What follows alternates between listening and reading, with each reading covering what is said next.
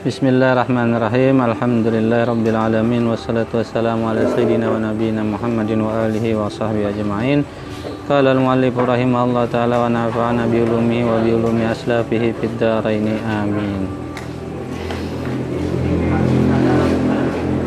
Bismillahirrahmanirrahim dengan nama Allah taala yang amat menugrahai nikmat yang besar-besar lagi yang amat menugerahai akan nikmat yang seni-seni jua. Aku memulai menghimpunkan kitab ini Alhamdulillahilladzi wafaqa immata fi kulli asrin li tahriril ahkami wafaq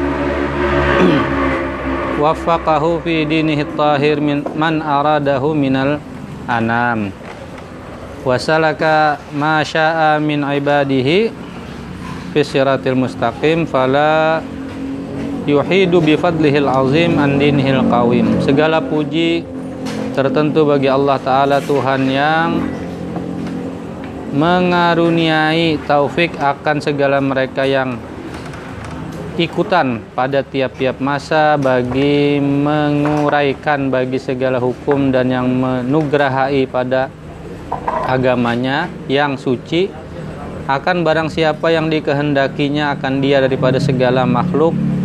Dan yang menjalankan ia akan barang siapa yang dikehendakinya akan dia daripada segala hambanya pada jalan yang betul maka tiadalah berpaling ia dengan karunianya yang amat besar daripada agamanya yang betul. Ahmaduhu ala ma'allamani wal muta'allimin wa ala ma hadani wal muhtadin wa usalli wa usallim ala rasulih Muhammadin alladhi arsalahu rahmatan lil alamin wa ala alihi wa sahbihi wa tabi'ihim ajma'in sallallahu alaihi wasallam wa alaihim salatan wa salaman daimain ila yaumiddin. Amina thumma amin ya rabbal alamin. Aku puji akan dia atas pengajaran akan daku dan akan segala mereka yang belajar. Dan segeralah aku akan dia atas petunjuknya akan daku dan akan segala mereka yang beroleh petunjuk dan mengucap salawat dan salam aku atas pesuruhnya Nabi Muhammad yang telah disuruhkan akan dia karena memberi rahmat bagi sekalian alam dan atas segala keluarganya dan sahabatnya dan segala mereka yang mengikuti akan mereka itu sekalian. Mudah-mudahan kiranya menambahi Allah Ta'ala akan rahmat dan salam atasnya. Dan atas sekalian mereka itu rahmat dan salam yang kekal keduanya hingga hari kiamat hingga hari kiamat. Perkenankan kiranya olehmu hai Tuhanku kemudian maka perkenankan olehmu hai Tuhanku yang memiliki sekalian alam wa ba'du. Nah jadi itu pembukalah biasalah. Kalau selalu Eh, kitab-kitab uh, itu bagi kitab-kitab keagamaan lah pasti dibuka dengan hamdalah segala puji-pujian kemudian salawat kepada Rasul. Karena itu syarat lah syarat keberkahan. Biasa syarat keberkahan lah. Memuji Allah memuji Rasul. Imbatu apalah? Ah, yang tadi juga aku baca di awal tadi. Aku pernah dulu lah belajar. Aku waktu pertama kali belajar apa nih? Baca kitab nih. Kan aku langsung baca tuh. Begitu aku langsung baca nih tagur guruku uh, anujar kayak ini adabnya baca kitab oh ada adabnya kayak aku sekalinya ada adabnya sekalinya ya tadi adabnya itu caranya baca Bismillah Alhamdulillah salawat imbatu biasanya dimulai dengan qalal muallifu rahimahullah taala berkata pengarang kitab ini yang Allah semoga Allah merahmatinya. Siapa mendoakan? Siapa ngarannya? Misal Syekh Muhammad Arsyad Al-Banjari ini kan dikarang oleh Syekh Muhammad Arsyad Al-Banjari lah. Biasanya disambat Syekh uh, Muhammad Arsyad Al-Banjari. Lalu disambung biasanya wa nafa'ana bi ulumihi dan semoga Allah memberikan manfaat uh, kepadaku atau kepada kita karena ilmunya, karena ilmu Syekh Arsyad itu wabi ulumi aslafi dan ilmu guru-gurunya. Fidara ini amin. Di dua uh, dunia. Maksudnya uh, dunia dan akhirat kayak itulah. Selalu membaca kitab itu dimulai kayak itu. Karena berharap orang-orang bahari itu keberkahan uh, keberkahan pengetahuan karena baca kitab ini kadang-kadang kan bisa juga masuk ada masuk di kepala nih. Cuman karena yang kayak tadi itu karena ada puji-pujian dulu salawat dan salam berdahulu imbatu mendoakan um, apa berdoa semoga mendapat manfaat daripada kitab itu dan seterusnya ada keberkahan. Dan keberkahan itu kan macam-macam lah. Ada kada paham hari ini bisa jadi pas ketikanya meng, mengalami masalahnya oh pahaminya oh maksudnya yang semalam kitab itu itu gitu nah Nah, jadi itu yang ya memang kalau hari ini tuh kasarnya kayak basa-basi lah, kayak apa? Kayak terlalu berbunga-bunga gitulah. Orang bahasa ini kan langsung to the point. Tapi itu bagi orang-orang dahulu penting. Karena cara pandang orang dahulu juga terhadap ilmu itu berbeda dengan cara pandang kita hari orang. Bahari kan menganggap ilmu itu cahaya. Seperti yang jadi Imam itu kan al ilmu nurun wa nurullah la yuhdalil asi. Ilmu itu cahaya dan cahaya itu kadang mungkin diberikan kepada orang yang maasi maasi itu kan ma berbuat maksiat. Maksudnya berbuat maksiat itu ya kada punya adab kayak gitu nah. Gitu. Uh, kitab ini ini kita rancak sudah mendengar. Nama masjidnya gini adalah Sabilal Muhtadin. Tapi mungkin kita jarang atau kada pernah malah. Kada pernah. Kada pernah malah baca kitab ini. Melihat gini bisa ada suah juga langsung Padahal ini sudah ada, ada terjemahannya, terjemahan ke bahasa Indonesia yang oleh Prof. Aswadi Syukur itu. Tapi kami yang bahasa yang bahasa Indonesia itu gini, kadang asal ngalih juga memahaminya karena masih ada pola-pola yang baharinya nih nah. Tadi kan mendengar seorang lo yang akan dia akan daku ah, atau pulut-pulut kayak itu nah, tapi ya mungkin itu cara berbahasa orang bahari. Nah, kita belajar, kita baca kitab ini. Kenapa aku pilih kitab ini? Pertama, kita hendak menganu lagi hasanah hasanah lama uh, tradisi kita orang di di sinilah Banjar. Jadi kita dengan kita kan cuma belajar anu nih fikih tapi belajar bahasa sebujurnya. Karena aku mungkin juga bisa kena agak bingung juga bacanya tapi kita sama-sama saling belajar. Dan uh, ya sekali lagi posisinya ini bukan guru murid gitu ya, tapi sama-sama belajar gitu lah. Dan mudah-mudahan bisa kita mengambil manfaatnya. Aku baca aja dulu lah, baca dulu karena hanya uh, pada poin-poin tertentu yang perlu dijelaskan kan hanya dijelaskan lah. ya, tapi sebelum sekali lagi menjelaskan kitab ini, namanya Sabilul Muhtadin. Namanya sebenarnya panjang nama kitab ini Sabil Sabilul Muhtadin lit tafaqquhi fi amriddin.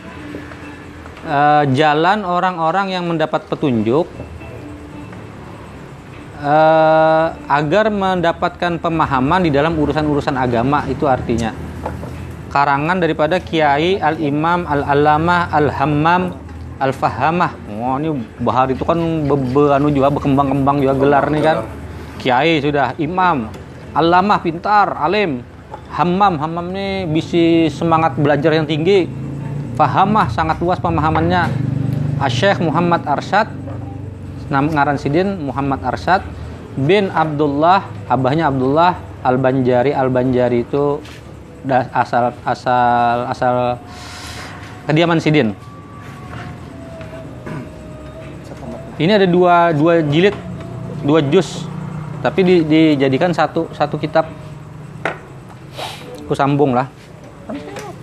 Fayaqulul fakir ila maulahul kabir al-mu'tarif bidzambi wat taksir Muhammad Arsyad bin Abdullah al-Banjari ghafarallahu lahu lil muslimin rabbuhul bari Inna kitab al inna kitab al alim al fadil asy Nuruddin Ar-Raniri. Nah, ini kena ada penjelasan ini bagus nih.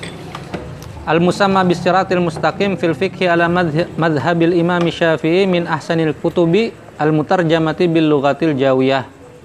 Li anna masailahu ma'khudatun min iddati al kutubil fiqhiyah la siyama annahu mustamilun ala nususi wan nuqul thumma intafaha bihi annas wa talaq wa talqauhu bil qabul jazallahu muallifahu bi mahdi fadlihi jazilah thawabi wa askanahu al a'la faradisa a'la faradisi jinanihi yaumal ma'ab yaumil yaumil ma'ab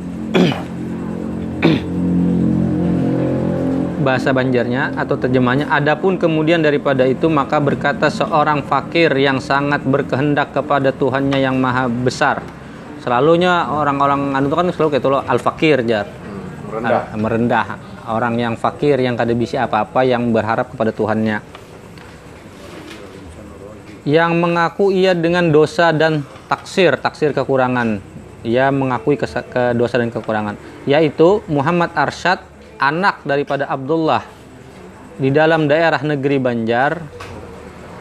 Mudah-mudahan kiranya mengampuninya baginya dan bagi sekalian sekalian Islam, sekalian kaum muslimin maksudnya, Tuhannya yang menjadikan sekalian alam bahwasanya kitab seorang alim yang lebih yaitu Syekh Nuruddin Ar-Raniri nama negerinya yang dinamai iya dinamai kitabnya itu dengan As-Siratal Mustaqim.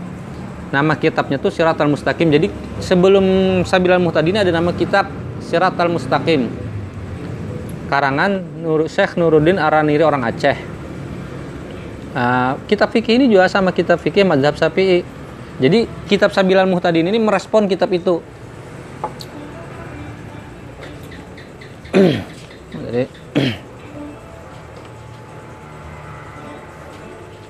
Nah, kitab itu ini kan ada kenapisan betakun, yang ini apa, yang ini apalah. Ya. Ini Sabilal Muhtadinnya. Nih. Nang di sampingnya nih, nang di ini kitab Siratal Mustaqimnya. Jadi kalau anak membaca Siratal Mustaqim, baca yang ini. Oh, awal langsung jadinya. Awal langsung baca lebih pendek inya. Nah, ini yang sabilal muhtadinnya. Siratul mustaqim pada ilmu fikih atas mazhab al-Imam Asy-Syafi'i radhiyallahu anhu daripada yang sebaik-baik segala kitab yang dibahasakan dengan bahasa Jawi. Ini bahasa Jawa juga. Bahasa Jawa Bahar itu maksudnya bahasa Jawa itu bahasa Nusantara, bahasa Melayu lah, bukan Jawa yang pengertian hari ini. Siratul Mustaqim ini bahasa Jawi juga, bahasa Melayu juga. Karena bahwasanya segala masalahnya, nah persoalan-persoalan fikih yang ada di dalam kitab Siratul Mustaqim itu diambil ia daripada beberapa kitab fikih yang berbilang-bilang, yang banyak maksudnya. Istimewa, yang banyak keistimewaannya, yang berbilang-bilang dan istimewa. Bahwasanya ia melengkapi atas beberapa nas dan nakal, nah, kutipan, nah, naskah dan kutipan dan dari karena itulah telah mengambil manfaat dengan dia segala manusia dan mendapatkan mereka itu akan dia dengan menerima dan ridha barang dibalas. Allah Ta'ala kiranya akan mu'alifnya mu'alifnya maksudnya pengarang pengarang kitab uh, Siratal Mustaqim dari Syekh Nuruddin Arakin Araniri. Ini mendoakan Syekh Nuruddin Araniri Syarsyad uh, akan mualifnya dengan semata-mata karunianya dengan pahala yang amat banyak dan dijadikannya tempat kediamannya surga yang terkeatas terkeatas. Oh, itu bahasanya lah. Kalau kita ini teratas saja cukup aja lahnya terkeatas daripada surga yang bernama Firdaus di dalam akhirat.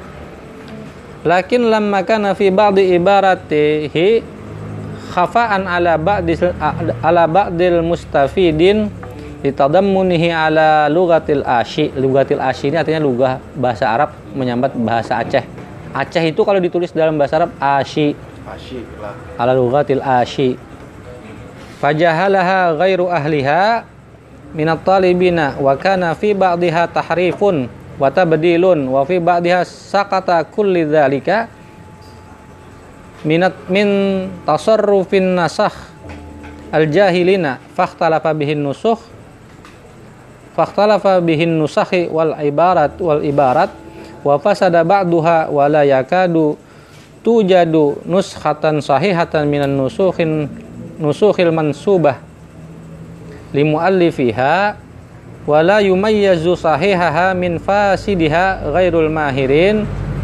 Wa ainal mahiruna fi hadhil buldan wa hadzal azman allati taqasarat fiha al humam watana kasat al afham watakat darat fiha al adhan itu artinya tetapi tatkala adalah pada setengah daripada segala ibarat kitab itu khafa. Jadi syarat kitab syaratan mustaqim itu khafa setengahnya. Eh, pada masa Syekh Arsad gitu. Kan karena Syekh Nuruddin Aran ini kan zamannya berbeda dengan zaman Syekh Arsad eh, pada itu sudah banyak yang samar banyak yang apa? Ada jelas atas setengah daripada segala mereka yang mengambil faidah daripadanya karena mengandung ia atas bahasa Aceh. Nah, tadi yang lugatil asy tadi. Ini berbahasa Aceh, makanya agak samar, agak susah memahaminya kayak itu nah. maka tiadalah tahu akan dia yang lain yang ampunya bahasa daripada segala mereka yang kada bisa bahasa Aceh bisa kada paham kayak itu kan maksudnya kan yang menuntut dan ada pada setengah daripada ibaratnya diubahkan nah setengah sebagian lagi itu berubah sudah kitab itu daripada asalnya berubah sudah daripada asalnya dan digantikan dengan lainnya dan pada setengah daripada ibaratnya gugur. Jadi ada beberapa mungkin e, redaksinya yang tertinggal. Mungkin soal e, redaktur yang kada kada teliti sehingga ada e, yang gugur kalimat-kalimat yang yang kada terbuat lalu itu menimbulkan pemahaman yang samar tadi dan kurang ada yang kurang maka sekalian itu daripada tasarruf daripada apa apa nih perubahan segala mereka itu yang menyalin, yang jahil. Bahari kan kada semudah anu lah kita tak cetak langsung anu lah orang besalin lah ketika nah, dalam proses menyalin itu ada yang tertinggal, ya, ya. ada yang kurang. Lalu ketika disampaikan pemahamannya juga jadi melenceng gitu nah.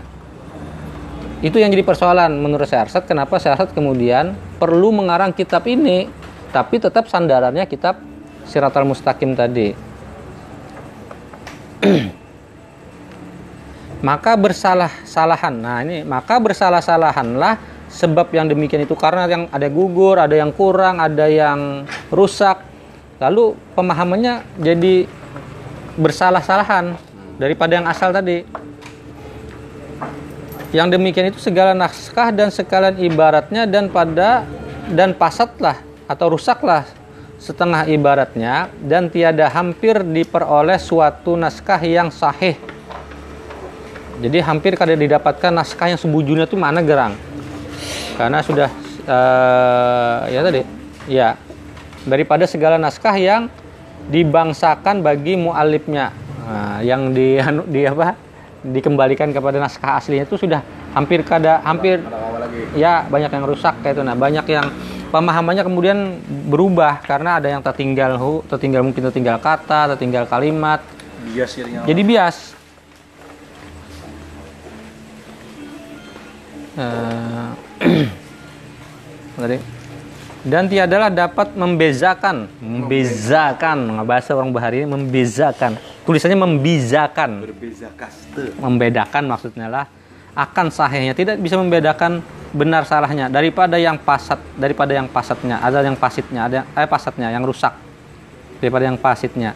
Melainkan segala mereka yang mahir pada ilmu fikih dan kecuali orang-orang yang bujur-bujur paham ilmu fikih. Mereka mungkin bisa uh, bisa memahami secara benar.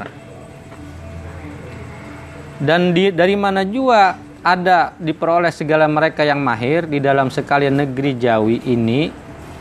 Tapi orang yang pin, yang alim itu yang pak mahir atau punya pengetahuan yang benar itu orangnya kada banyak. Maksudnya maksud saya Arsat pada masa ini di Nusantara ini dan di dalam segala masa ini yang tersangkut dalamnya tersungkat nih tersungkat lah sungkat tuh ya sama eh, apa? Berkurang.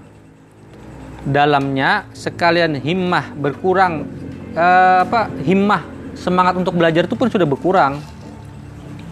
Dan berkurang segala paham dan keruh dalamnya segala zahar. Pemikiran pun sudah keruh menurut saya Arsad makanya karena itulah saya Arsad termotivasi untuk mengarang kitab ini. Tapi ada lagi satu tambahan kenapa juga saya Arsad mengarang kitab ini? Pertama tadilah karena pemahaman yang sudah uh, bias itu maksudnya intinya bias lah lalu kemudian uh, di masyarakat ini juga yang alim-alim kada banyak lagi. Itu alasan saya asas yang pertama. Yang kedua, talaba minni fi sanati 1193. Ini nah ini saya asas ini tahu juga ilmu huruf. Jadi menulis 1193 ini pakai kode. Aku pertama bingung tapi mbah mbahku baca terjemahnya paham bahwa ini kode 1193 Hijriyah. Min sanal hijriyati min sanail hijriyatin nabawiyah ala sahibiha min rabbihi afdalis salawat wa azkat tahiyat. Maksudnya seseorang telah meminta kepadaku pada tahun 1193 ini. Siapa dia? Al-Malikul Hammam Dzul Fatanah Warra'yit Tam Warra'yit Tam Safi Dhahan Azizil Afham Sahibit Tadbir ala ahli biladil Banjariyah. Al-Qaim bi islahil umurid diniyah wad dunyawiyah. Sayyidun Sayyidinal Muazzam wa qudwatinal muqarram Maulana Sultan Tahmidullah Ibni Sultan Tamjidillah. Tagammadahullah Ta'ala birahmatihi. Adami mulki wa mulki dzurriyyati wa lazalat afla kudulata dulati mul malikihi fi madari dzurriyyatihi dairatan wa mabarihat saha ibu ahsanihi ihsanihi wa judihi ala al, ala ra'ayahu matiratan an asna alahu kitaban. Nah yang meminta tapi karena terjemahnya ada juga lah. Yang memintanya nih Sultan Tahmidullah bin Sultan Tamjidullah Raja Banjar saat itu pada tahun 1193 meminta kepada Syekh Arsad untuk an asna alahu kitaban fil fikhi ala madhabil imam syafi'i radhiyallahu radhiyallahu anhu mutarjamatan bil lughatil jawi al ma'rufati li ahli biladil muhmiyah. Inya diminta oleh Sultan untuk mengarang sebuah kitab fikih berdasarkan madhab Imam Syafi'i yang berbahasa Jawi yang mudah dimengerti oleh orang-orang pada masa itu. Wan akhudha masailahu min kutub min kutubin mutaakhir mutaakhirin ai mutaakhiri aimmatina syafi'iyah kasyarhil minhat li syekh al li syekhil Islam Zakaria Al Ansari wa Mughni al lil Khatib Asyarbini wa Tuhfah Ibni Hajar Al-Mardiyah wa Nihayatil Jamal Ar-Ramli wa ghairiha minal mutuni wasyuruhi wal hawashi as-saniyah. Menuntut daripada aku artinya meminta kepada aku maksudnya. Pada tahun 1193 tahun daripada segala tahun hijri, hijrah Nabi atas yang empunya dia daripada Tuhannya rahmat Allah. Yang amat lebih dan haluannya yang suci. Maksudnya ini memuji Nabi masihlah seorang raja yang amat besar himmahnya lagi yang mempunyai uh, cerdik mempunyai ke, kecerdikan dan me, apa nih dan bicara yang sempurna. Lagi yang suci zahan. Zahan ini pemikirannya. Pemikirannya jernih. Ya puji-pujian lah ini intinya lah. Yang banyak paham ialah yang mempunyai tadbir kekuasaan atas sekalian isi daerah isi di daerah segala negeri Banjar. Lagi yang berdiri dengan memperbaiki segala pekerjaan agama dan pekerjaan dunia yaitu persandaran kita yang dibesarkan dan ikutan kita yang dimuliakan Maulana Sultan Tahmidullah bin Sultan Tamjidullah. Mudah-mudahan diliputi Allah Ta'ala kiranya akan dia dengan rahmatnya dan dikekalkannya kiranya akan kerajaannya. Nah ini biasalah memuji-muji raja mendoakan raja dan kerajaan duriatnya keturunannya dan senantiasa uh, fulk daulah daulah kerajaannya uh, semesta kerajaannya yang tinggi beredar ia pada tempat peredaran segala diri segala duriatnya. Semoga panjang umur kerajaan ini jasa arsatkan. Dan senantiasa awan kebajikannya dan murahnya menghujani atas sekalian rakyatnya yang mendoakan rakyatnya juga lah. Bahwa ku, bahwa uh, ku perbuatkan baginya. Ya maksudnya untuk aku membuatnya suatu kitab pada menyatakan ilmu fikih atas mazhab Imam Syafi'i radhiyallahu taala anhu. Padahal dibahasakan ia dengan bahasa Jawi yang tadilah yang ma'ruf yang mudah dipahami yang dikenali. Bagi sekalian isi negerinya yang dipeliharakan dan bahwa aku ambil akan sekalian masalahnya daripada beberapa kitab bagi segala imam syafi'iyah.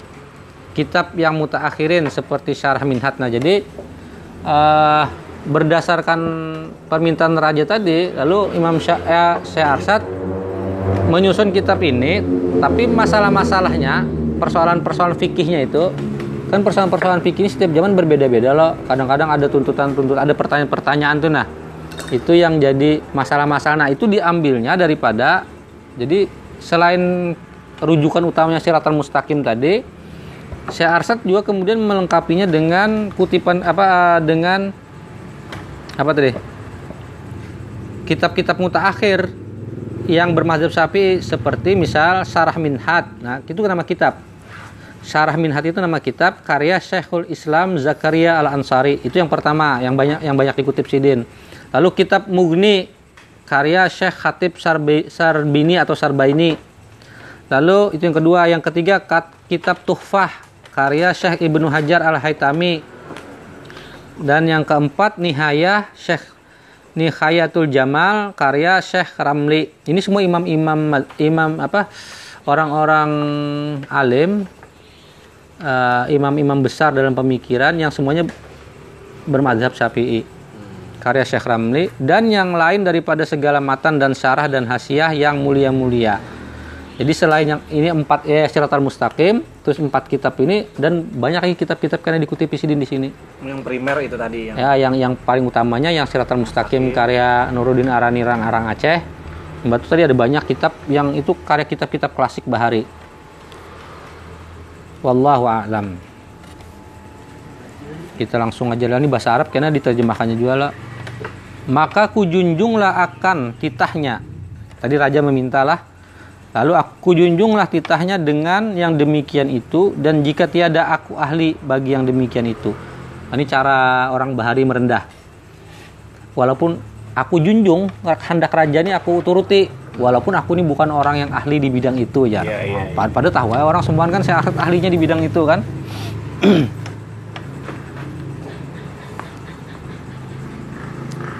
Sekalipun.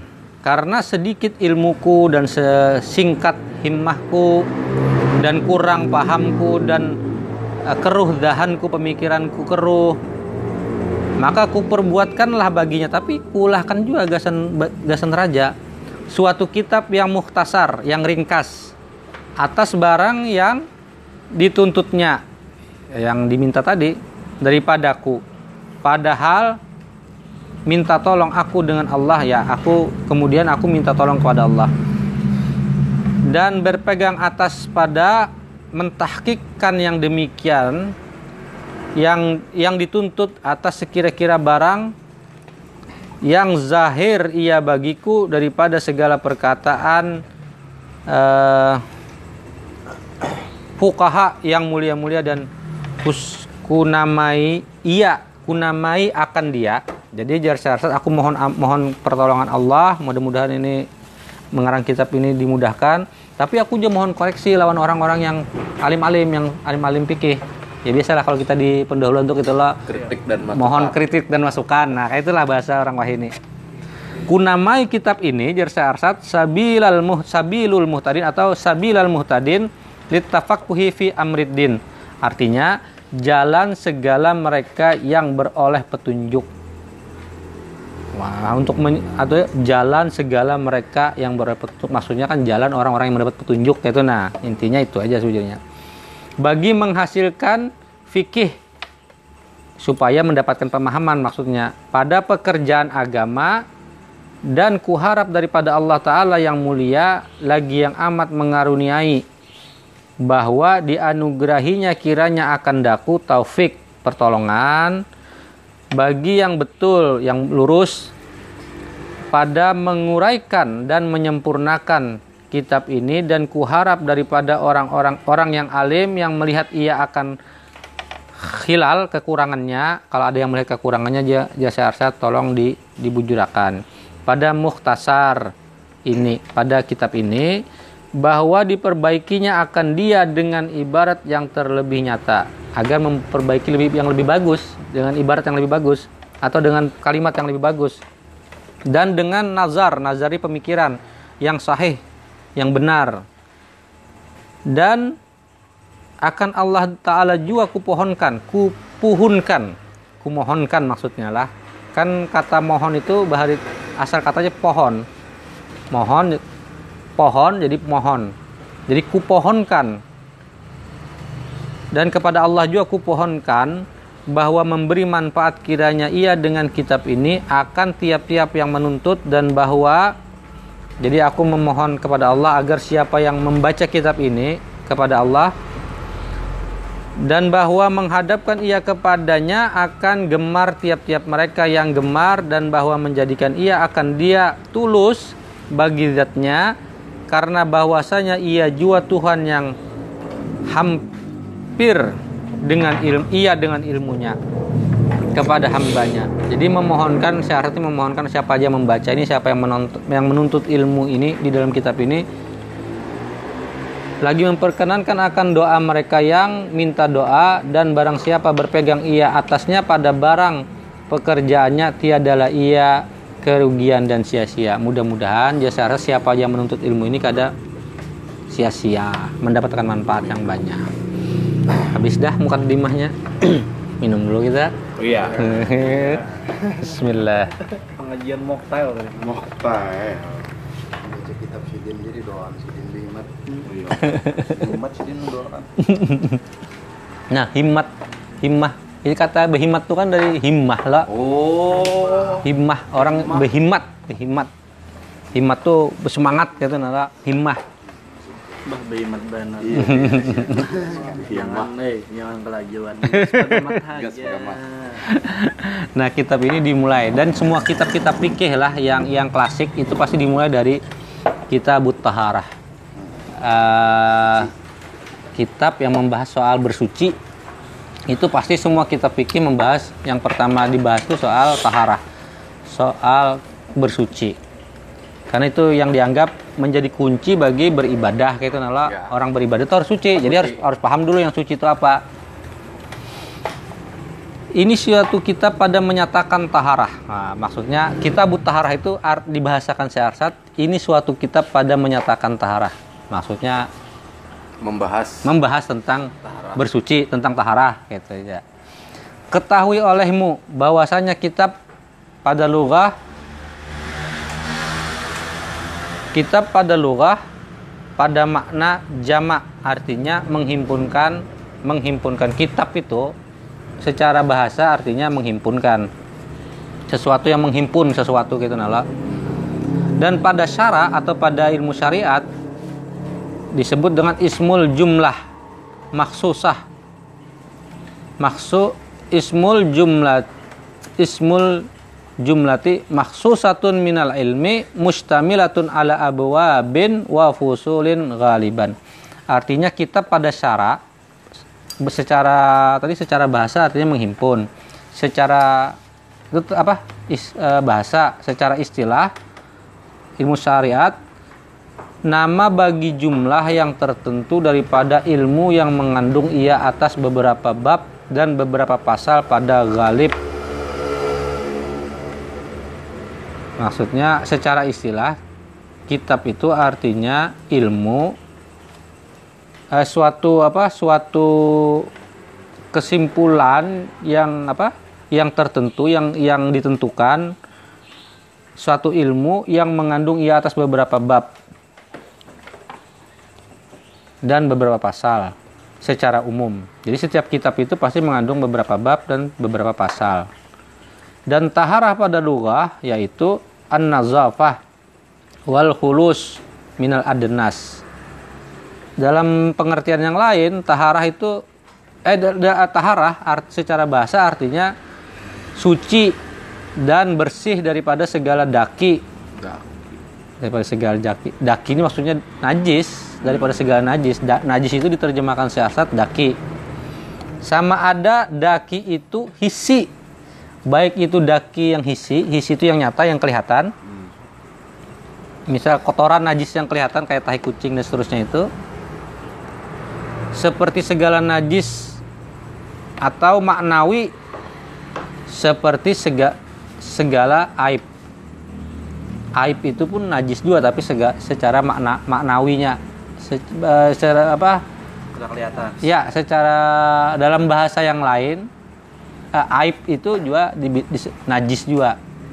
Tapi kalau yang najis yang jelas itu kan ya najis yang kelihatan yang kayak tahi apa segala macam itu najis. Tapi aib itu juga disebut dengan najis juga menurut saya menurut saya Arsad di kitab ini kan. Kayak model bahasa mantik. Ya, makna makna yang lain gitu lah.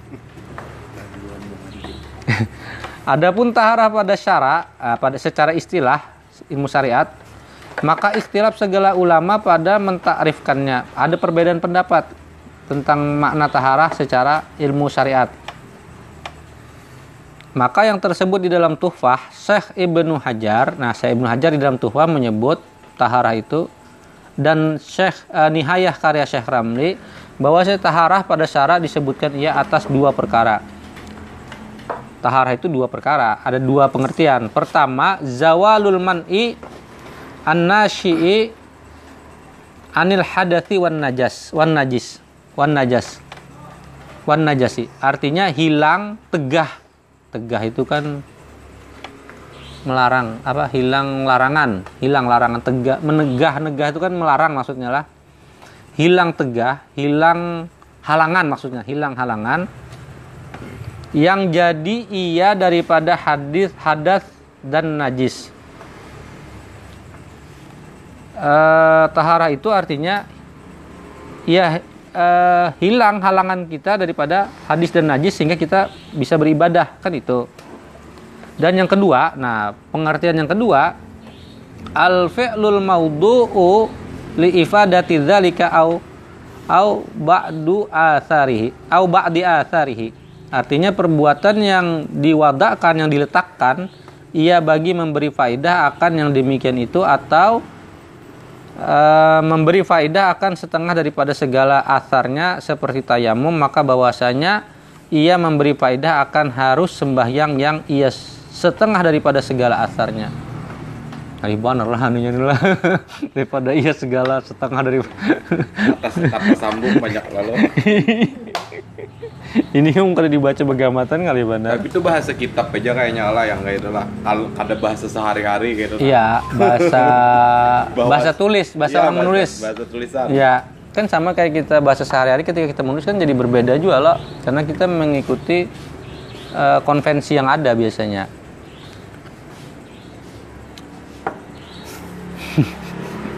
Sini aja sudah terbuntal-buntal sederhananya. Jadi arti taharah yang kedua itu perbuatan yang diletakkan atau dikerjakan untuk memberi faidah akan yang demikian itu akan faidah bagi najis tadi supaya apa hilang daripada hadas hadas dan najis tadi. Atau memberi faidah akan setengah daripada segala asarnya. Atau paling kada setengah dari najis itu hilang kayak itu nah jadi itu yang dimaksud taharah yang dimaksud dengan bersuci itu yang pertama tadi kan eh, hilangnya halangan yang kedua ini pekerjaan yang membuat hilangnya halangan itu. Maksudnya gitu nah. oh Baik secara keseluruhan maupun setengahnya atau pengaruhnya, misal baunya hilang gitu nah, warnanya hilang dan seterusnya. Maka atas yang kedua inilah mentakrifkan, mentakrifkannya artinya mendefinisikan atau memberikan pengertian. Imam Nawawi akan taharah. Nah, dengan dua definisi di atas tadi, Imam Nawawi kemudian mendefinisikan eh, mendefinisikan arti taharah berdasarkan dua pengertian tadi dengan katanya innaha raf'u hadatsin au izalatu najasin au ma fi ma'nahuma au ala suratihima. Artinya bahwasanya taharah itu yaitu mengangkatkan hadas atau menghilangkan najis atau barang yang pada makna keduanya atau barang yang atas rupa keduanya. Paham lah? Apa itu Dari awal tadi ada yang paham. terus keduanya. Kalau dibaca secara harfiah marifuan berat benar lah. Berat benar. Karena pola pola tulisannya itu nah pola apalah gaya bahasa. Gaya bahasanya tuh nah. Kamu kayak bahan lah kalau yang baca kitab dari Jawa. Hmm. iya itulah. Betawi iki iku. Iya tahu ya karena mengumpati pola bahasa Arab itu sebujurnya itu mengumpati pola bahasa Arab bahasa Arab itu kan eh, anu jar apa? Faal tuh melakukan aku. Karena faal tuh tuh harusnya kan aku melakukan lah. Melakukan aku karena faal tuh faala kan hanya tu melakukan hanya aku. Oh jadi itu umpati. terbaliknya Karena mem- mengumpati pola bahasa Arab. Kita ulanglah arti taharah menurut Imam Nawawi taharah itu mengangkat hadas menghilangkan hadas atau menghi- at- mengangkat hadas atau menghilangkan najis atau yang serupa maknanya dengan itu. Nah intinya itu aja sih sih angkat atau menghilangkan, atau menghilangkan najis atau yang serupa dengan itu. Membuangi lah. ya. Kata Ali Ashibra Mulsi. Nah ini mengutip eh, kutipan yang lain lagi. Di sini kan disebut lah Ali Shibra Mulsi bermula. Nah kalau di pada kita ini bermula selalu bermula. Barang yang pada makna mengangkatkan hadas itu seperti tayamum. Dan barang yang pada makna menghilangkan najas itu seperti menyamak. Menurut Syekh Ali Ashibra Mulsi yang dimaksud dengan mengangkat hadas itu ya seperti tayamum misalnya atau kalau pada makna itu menghilangkan najis itu seperti menyamak menyamak kulit tuh nah. Itu itu contohnya maksudnya kayak itu nah. Nyamak kulit. menyamak kulit binatang men- kulit ular ya. Ya membersihkan kulit. Menyisir. ya batu men- di- dibersihkan lah. Disamak tuh dia pak. Bersihkan. Diambil kulitnya. diambil kulitnya betul kan disamak sama tuh membuang sisa dagingnya tuh namanya. Ya, ada ya. sisa-sisa lemak emangnya membuangi najis membuangi anunya itu. Masih ada tolong lah babun tuh menyamak deb bab anu lo kan Iya. masa aja aku dia Berarti Kayaknya membuangi sisa-sisa daging itu supaya ya ya menyisir tadi bu jangan menyisir dibuangi disisir anunya tuh lah bekas-bekas dagingnya tuh lah. Payah kering tapi kan. Iya, iya, iya. iya. Eh, meng- seperti menyamak menyam, seperti menyamak kulit bangkai dan jadi cuka daripada tuak dengan sendirinya. Cuk eh, tuak atau minuman minuman apa? Fermentasi. Fermentasi yang yang sampai menjadi cuka. Nah itu contohnya contoh daripada tadi apa? Eh, mana tadi? Bukan pada makna menghilangkan najis. Jadi bila minuman keras itu kemudian terfermentasi sampai menjadi cuka ini ada lagi najis. Terangkat sudah najisnya kalau masih minuman keras kan najis lah Kat- Tapi minum cuka. haram lah Kada haram. Kada najis. Elah. iya datang beli banyak banget parkiran tadi mencari tukang parkir Eh, dan barang yang atas serupa, nah ya contoh yang yang yang serupa mengangkatkan hadas itu seperti segala mandi yang sunnah itu mengangkat hadas lah contohnya dan membaharui wudhu itu eh, mengangkat hadas juga. Kita ini sudah wudhu hendak sembahyang wudhu lagi padahal kada batal. Nah itu juga mengangkat hadas namanya. Contoh dari mengangkat hadas. Dan basuh yang kedua dan yang ketiga pada wudhu dan mandi. Karena sebujurnya kalau kita wudhu itu kan yang sebujurnya yang wajib, yang rukun itu kan yang pertama itu aja yang wajib. Sebujurnya sekali aja kan kita wudhu itu sudah selesai wudhu itu kan. Misal wudhu terus kemudian kita lap-lap kayak ini udah langsung tangan lap-lap. Yang penting diratakan lah itu sudah sah. Yang ke, yang meniga kali itu sunnah aja. Di dua diulang meyakinkan bahwa terpenuhi itu kak kira-kira? Kada. Sebetulnya wudhu itu kan cuma sekali-sekali aja. Yang rukun itulah niat. Habis niat tuh membasuh muka. Sek sekali diratakan. Kita meratakan tuh boleh. Nah, diratakan di kalau kan kita masuk ke dalam-dalam lah Memastikan intinya. memastikan. Nah lalu kemudian kita yang kedua tuh sunnah sudah. Yang wajibnya sekali itu aja. Sama kayak tangan misalnya kalau dia dibasuh kayak ini di- digosok-gosok loh di, di anu. Lebih pada tiga, ya ada apa-apa lah. sunahnya tiga. Ada yang menyambat lebih pada tiga itu makruh jar. Tapi ada juga kan bapak juga banyak banyak jar Tapi makruhnya itu maksudnya mem, anu mubazir, mubazir banyu, air. bebuang banyu. Nah, intinya itu bebuang banyu. anu apa maksudnya kalau secara nilai kan sunnah Hmm. tapi maksud lu bayang lu kan akhirnya kalau sekali aja sudah anu tapi kan tadi di- Penyempurnaan. menyempurnakan itu akhirnya mungkin itu lah Kada menyempurnakannya kan dengan menggosoknya itu tadi, meratakan. Ketika kita wudhu itu kan kada kayak aja, kan kita ratakan karena harus kena inilah. Jangan sampai ketika kita cukup kayak ini, cukup kayak ini, ternyata ada bagian-bagian yang mungkin kada kena. Makanya harus kita ratakan. menghindari apa sak aja ben menghindari sak mungkin lah sama Iya. itu Meratakan. Heeh. Nurutin Nabi. Nah, diratakan. Kan ada yang menyambat ketika ini kan berarti banyu yang di sini nih sah lah untuk masih suci lah. Suci jar kada ini kada mustamal selamanya menempel di sini kada mustamal, tapi bilanya gugur banyu itu itu kalau dipakai kada dipakai lagi. Tetapi selama banyu itu masih menempel di kulit kita, kita rata-ratakan itu masih suci. Tapi bila gugur, Jadi malaikat. ah itu sudah kada ini dah. Kada kau lagi mencu- mensucikan, tapi ini suci. Itu pernah pembahasannya panjang di sini. Malaikat sih bener juga. Malaikat dia. Dan barang yang atas rupa menghilangkan najis itu seperti basuh yang kedua dan yang ketiga pada menghilangkan najis. Basuh, basuh najis itu kan ada kotoran, kita buang kotorannya, kita basuh. Yang sekali itu Oh. sah sudah. Yang kedua, ketiga itu itu nah itu sunnah juga. Kan. Ya. Yakni kemudian daripada suci tempat dengan basuh yang pertama tadi ya supaya basuh supaya lebih bersih aja kan tempatnya. Pada najasah yang lain daripada yang mughallazah, yang berat. Dan tersebut di dalam nihayah Syekh Ramli bahwasanya taharah itu terbahagi ia atas dua bagi.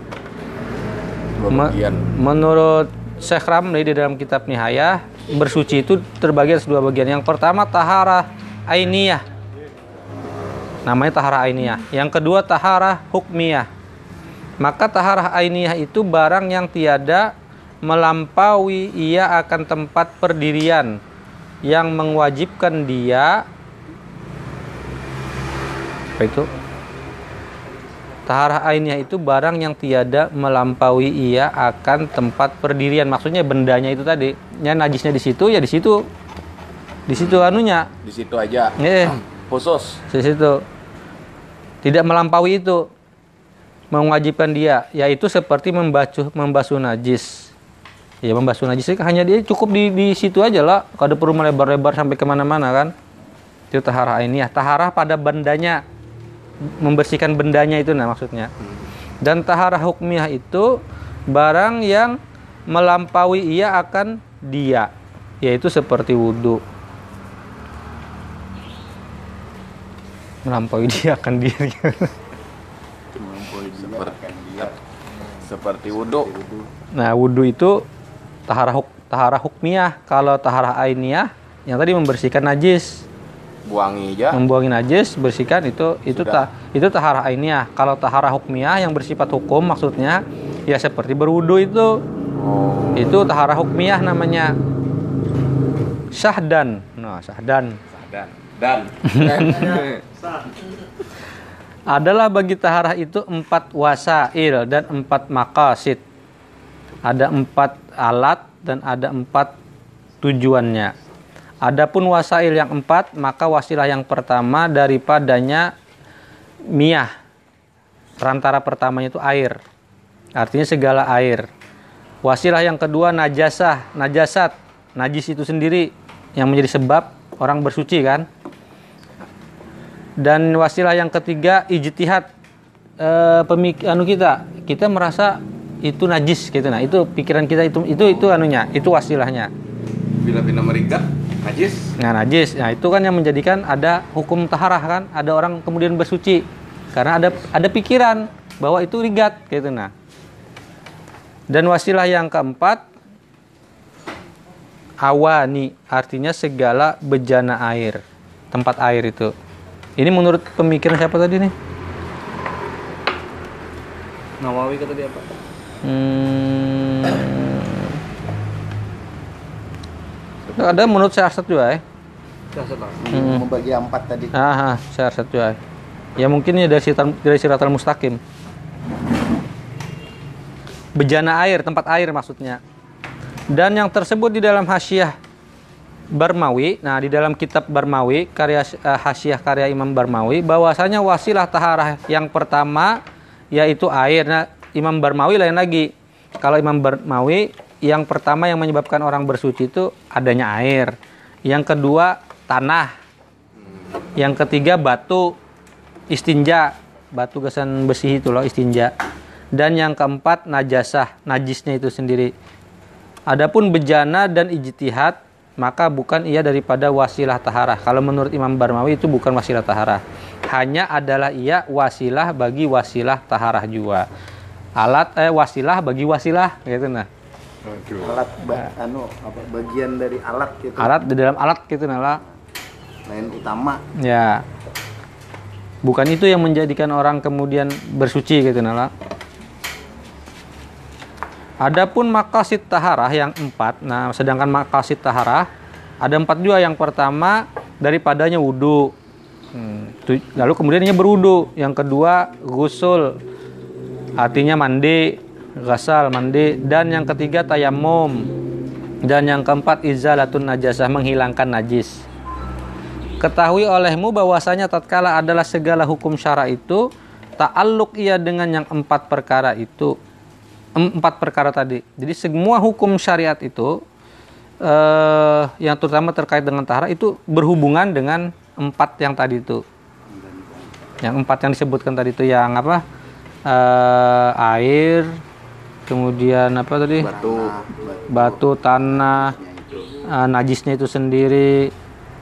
Ada juga yang tadi pikiran pemikiran juga kan? Istihad tadi. Ijtihad tadi.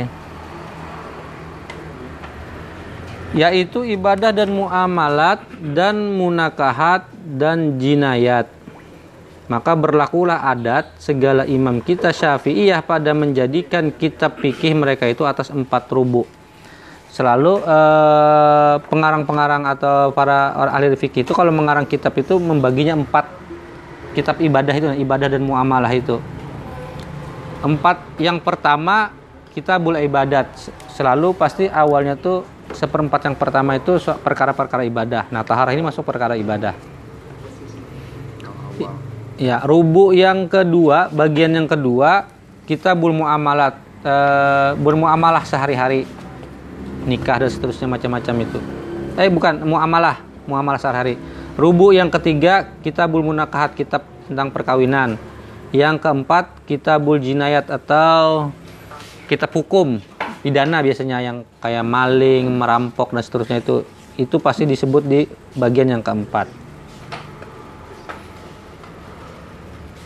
Bermula hikmah yang demikian itu karena bahwasanya Allah Ta'ala menjadikan ia pada segala manusia itu empat kuat. Manusia itu- menurut kitab ini Allah itu menciptakan manusia itu atas empat kekuatan. Yang pertama kuat natiqah, yakni kuat idrak dan akal, kemampuan berpikir. Yang kedua kuat syahwiyah, eh, batiniyah, ba, bat, batniyah, kuat keinginan perut, syahwat kepada makan dan minum.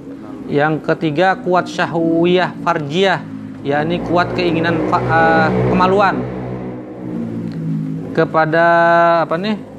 kepada kebutuhan biologis dan barang sebagainya dan semacam itu. Yang keempat kuah ghadbiyah, yakni kuat marah atau potensi marah yang jadi daripadanya perbantahan dan berbunuh-bunuhan dan barang sebagainya. Jadi Allah itu kata kitab ini menciptakan manusia itu memiliki empat potensi. Pertama potensi berpikir, kedua potensi eh, syahwat perut, yang ketiga syahwat kemaluan. Makanya perlu maka eh, yang pertama manusia itu pasti kayak apa aja kadang mungkin bisa ditahan baunya itu berpikir gitu nala. Kita tekan di situ inya eh, kita jadikannya kayak kanakan kayak yang kada kawa apa kita batasinya berpikir ya kada kawa itu sudah eh, alamiahnya kayak itu sunnatullahnya kayak itu yang kedua potensi tadi apa syahwat perut ya, kada makan ya banyak masalah pasti kan yang ketiga kada kawin bila sampai masanya kawin itu juga bermasalah bila kada dikawinakan kan Eh, Kan aku alamak Darwin. Di umur berapa aja itu kak? Nah, tapi bahwa itu ada gitu manusia itu nah, ada tahapannya pasti kan. Dan Dan yang keempat tadi anu potensi marah. Manusia itu semua punya potensi marah. Nah, Nah. kamu kira Dani kada mau marah? Eh, itu yang menjadikan kemudian eh, orang berbantah-bantahan dan orang berkelahi, berbunuh-bunuhan dan seterusnya. dan pisau gitu. Kayaknya sampai situ aja sudah sudah hampir sejam sudah lah. Eh, eh. Bisa juga. Eh, ini masih hanya pendahuluan pembuka aja. Tapi paling kadang kita tadi paham soal kitab ini dikarang Searsat pada tahun 1193. Motivasinya menjelaskan lebih jauh tentang kitab Siratal Mustaqim yang dianggap eh, Bias. bias. Dan yang kedua karena diminta raja. Ya. Imbah itu apa tadi?